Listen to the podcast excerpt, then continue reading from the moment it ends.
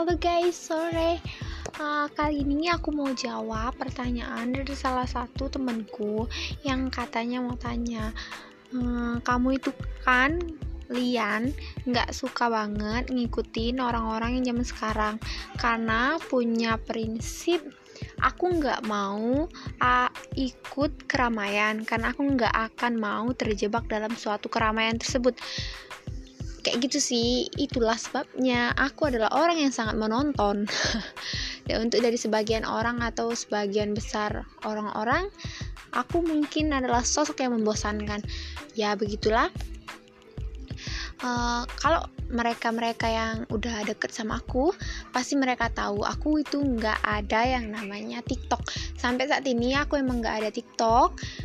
Mungkin ada yang bilang kan kata temanku katanya ya nggak semua TikTok itu hal negatif katanya. Ada juga sisi baik dan sisi buruknya. Oke, di sini aku paham yang maksudnya kalian sisi baik dan sisi buruk.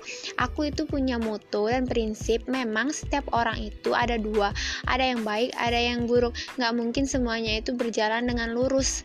Karena aku sadar aku sendiri pun terkadang aku itu sangat buruk banget dan nggak sempurna kayak gitu. Kalau aku sempurna aku bukan manusia kan? Jadi semua manusia itu memang ada dua ada yang baik ada yang buruk. Tapi tolong hargain aku. Aku nggak akan bisa install yang namanya TikTok. Mungkin karena aku nggak tahu apa karena padahal di sana itu kan kita bisa pilih.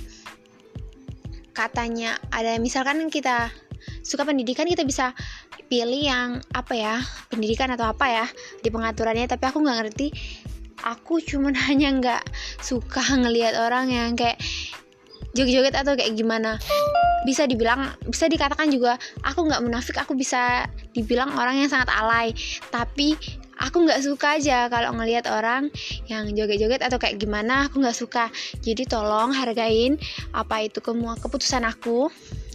Jangan berasumsi sendiri karena aku nggak pakai TikTok bahwa aku membenci kalian nggak. Aku cuman nggak suka aja aku sering kok ngeliatin TikToknya punya teman-temanku.